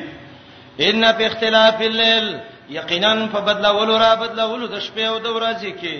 وما خلق الله هغه چې الله پیدا کړی دي پسمانونو زمکو کې لآیاتن خامخانه خدي د پاره دا قوم یتقون چې ځان د شرک نه بچ کړي یقینا خلق لا يرجون لقاءنا چې امید او عقیده نه ساتي زمنګ د ملاقات اخرت نه مانی ورزو خوشاله شوی دی بل حیات دنیا په دې ژوند دنیوي وتمنو بها خ مضبوط شوی دی په دې والذین وخلق هم دی عن آیاتنا زمنګ د آیاتونو نه غافلون بے پروايي کوونکې دي اولایک دا کسان مأواهم النار زیاده ورتګي ور دي بما كانوا يكسبون په سبب داغي چې دوی کسب کو د کفر او د تکذیب نه د کافر کسب څه دی کفر او تکذیب بشارت یقینا خلک چې ایمان راوړل او عملونه کړی دي نیک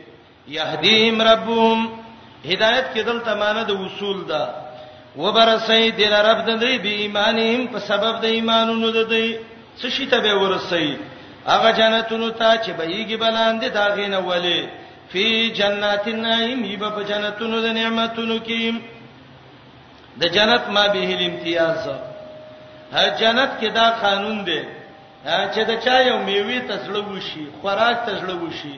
چغه بنه وي صرف دونه به وي سبحانك اللهم بس خوراک براشي دی خلیلا او دا به صرف شوند وي او چې کله مړیږي مج او کاری پوره شي نو دا به وي الحمدلله دعواهم غختنه دی په جنت کې څه به سبحانك اللهم دا کلمه به چې الله تعالی پاکي ده الله ته پاکي او زم پاکي تر سنشته دي استغفر الله راوړي وتحيتهم سلام د دې پیه په دې کې تحیه سلام د مبارکي د دې پیشکشي د دې با په دې کې سلام سلامتی یو بل ته السلام علیکم جنت کې به خچاره او چار دي خشنې واخر دعواهم اخر د غختنو د دې هغه بدای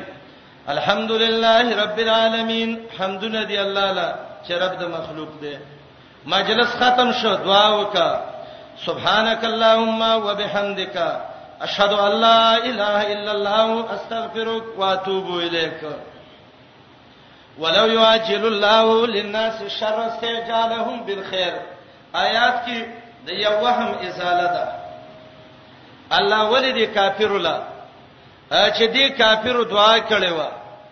بعضی وای د آیات د نظر ابن الحارث بارکه ده چې دا ویلو اللهم ان کان هاذا هو الحق من عندك فامطر علينا حجاره من السماء رب ولی سمدستی عذاب په نراولی الله خپل احسان ذکر کوي رب وای مؤمن چې خیر وغواړي زی زر ورکو مولا کما دقه سي زر د اخیری قبل وله نه په مخ د زمکه به څوک نه پاتې شوی ولو یعجل الله للناس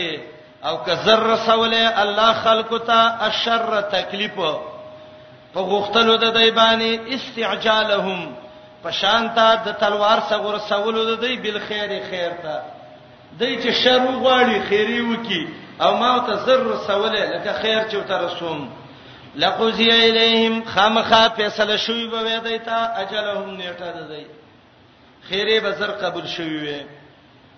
نبی علیہ السلام وی خیرونه سام بش کړي لقضی الیه مجلهم او خاص کر د مور خیری ډېر قبليږي باید چې مور بچی ته خیری ونی کی بعضی خیری او ته کوي الله دې لیوانه کومل شي اوبه چې لک په سردر شي نو لیوانه په شان مخ وي او شړقای خيږي څل ځان وي توال غواړي دا وستا خیره والله قبول کړه باید چې دا نور ورثه تا وي وسولې د خیره کوله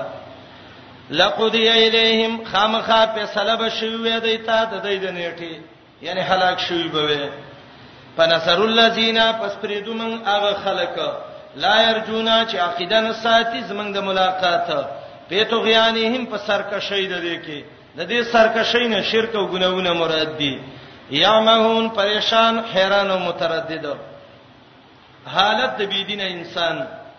و اذا مسل انسان کله چې ورسی کافر انسان ته الذر zarar لک تکلیف ته ورسیږي دعانا رب لمنګه لجنبي چې په اړه خبانه تکي والی ام وی یا الله راوم یا الله مدد وکي او قائدن یا ناستی او قائمن یا ولاړی اشاره د تعمیم د احوالو ته په پروتي په ناسته په ولاړې خله وازه کړي یا الله یا الله یا الله فلما کشفنا عنه دره کله چې لری کوم د دنه سرر ده دي مره به زی په زوړ کو پر باندې مره مزاله کوپریه او دسی کعلم یدعونا گویا کې د منګ نیو را بللی الا سرن اغسررتا مسو چې د ترسیدلې کذالک دقشان زوینا ډولی شوه دی خسته شوه دی للمسرفین زیاتی کون کیتا سراج المنیر وای مسرفین څوک دي مشرکان مشرک ته خسته شوه ما کانوا یعملون هغه څه چې دای کوم عمل کوي ولقد اهلكنا القرون من قبلكم لما ظلموا آیات کې تخویف دنیوي دي او د آیات د مخ کې سره به ته مخ کې ویلې الله ول مهلت ور کوي او الله دعا قبلای دلته وای چې کله شرک وکي او د پیغمبرانو نه انکار وکي نو دعاګانې نه قبليږي به محلتونه نه عذاب پر راځي ولقد هلكنا القرون یقینا من هلاک کړي دي ډېری پیړۍ من قبلکم ستاسو نه مخکي لما ظلمو کله چې ظلم وکړ کو پر شرک وکړ معمولی ظلم باندې سره نه تبر کیږي او د دې ظلم نه هغه شرک او کفر مراد دی امام قرطبي وایي وجاتهم راغلیو دیتا رسولهم پیغمبران ددی بالبينات په واضح دلایلو وما كانوا نودي ليؤمنوا چې ایمان تراولې بس ایمان رانوړو تبو برباد شو کذالک دا شان نجل قوم المجرمین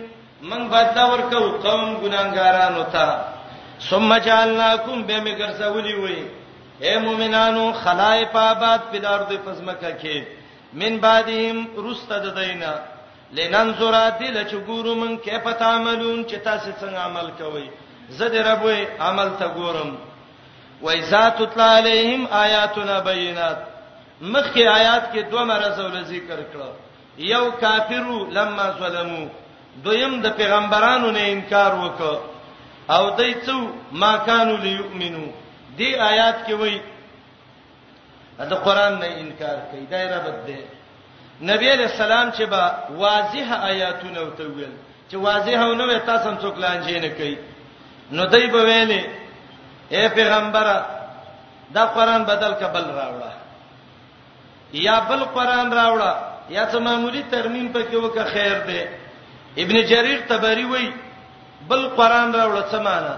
دا د الله وعده وعید وګرځوا او د الله وعیدونه وعده وګرځوا او دسه قران راوړه چې دا حلال راته حرام کړي او دا حرام راته حلال کړي زمونږ به ومنو ابن عیسی وی د دې د بل قران مقصد داو د څه قران راوړ چې هغه کې زمنګ د الہ او څه عیب نه وي زجاج وی د دې معنی دا ده دا د قیامت آیاتونه ته وګرځوا امدا دي خیر دی ترمیم پکې وکا او دا د شرک آیاتونه ده د خیراتونه میراتونه او چکرې مکرې او قسیمې سي د تبغوت کیلو خپ مینه به واورو خدا مو ویو چې دا څنګه شي کولای او دا جانډې چې په ولاړې دي نو جانډه خو وټونو واخستا په کورم ولاړې به خدای ټول اولیاء وي کله وای یاره دی و اولیاء ول الله ورس ور کړی دا الله بنده تعالی سره چې می دا غټه شپم در کړی دا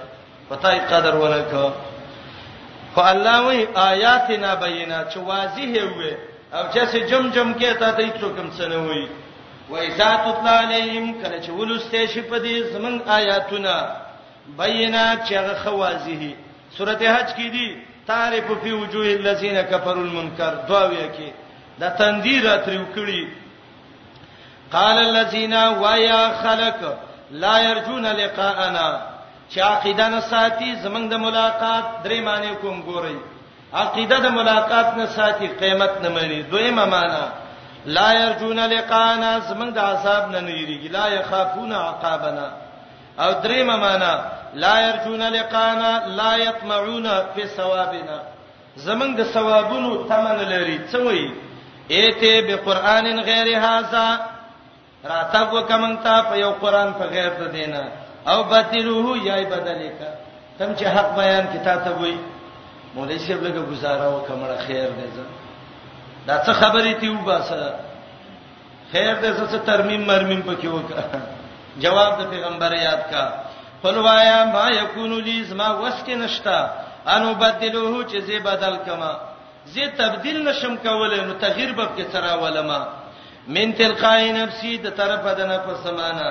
نیم روان الا ما یوها الیا مگر هغه څه چې ماته وਹੀ کې دی شي او که بدل کوم د الله په عذاب باخته شم ان یا خافو زیریګم ان اسیت ربی که خلاف وکم در رب سما یریګم د څنا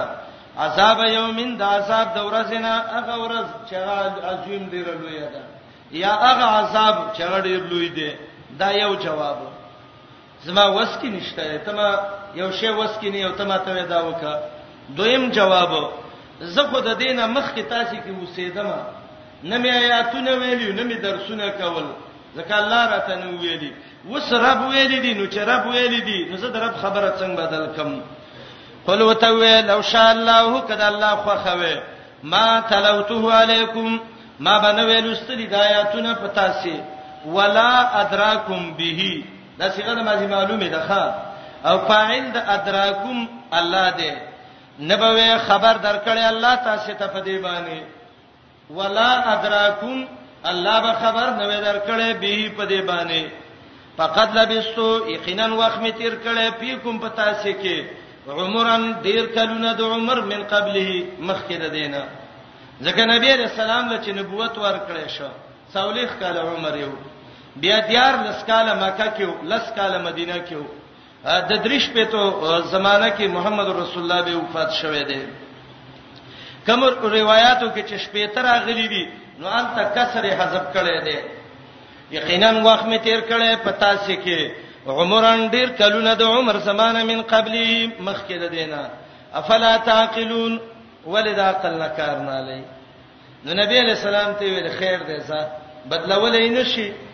وس دې نشته دې زلګه گزاره وکا گزاره به څه خیر دې تب کې تزان نه څه ترمیم وکا جواب پس څوک دې غړ سالم دا غچانا چې جوړی په الله باندې کذبن دروغ وفا الله چې دروغ جوړي دا خو لوی ظالم دی او کذبا یا نسبت دروغ کی بی آیاته د الله آیاتونو ته انه شان ده لا یفلح المجرمون نشی کامیابې ده هغه خلک چې هغه جرم کوونکي جرم ګناه او دلته لوی جرم دار چې په الله او د الله په کتاب کې دروغ وایي د مقام پورې اول باب د حصے ختم شو دې ځای نه وروسته دویم باب دی دېرشم آیات پورې تفریح وکړئ بیا به وروسته وي انشاءالله سلام علیکم خیال کولو په خپلو دعا ګانو کې حتی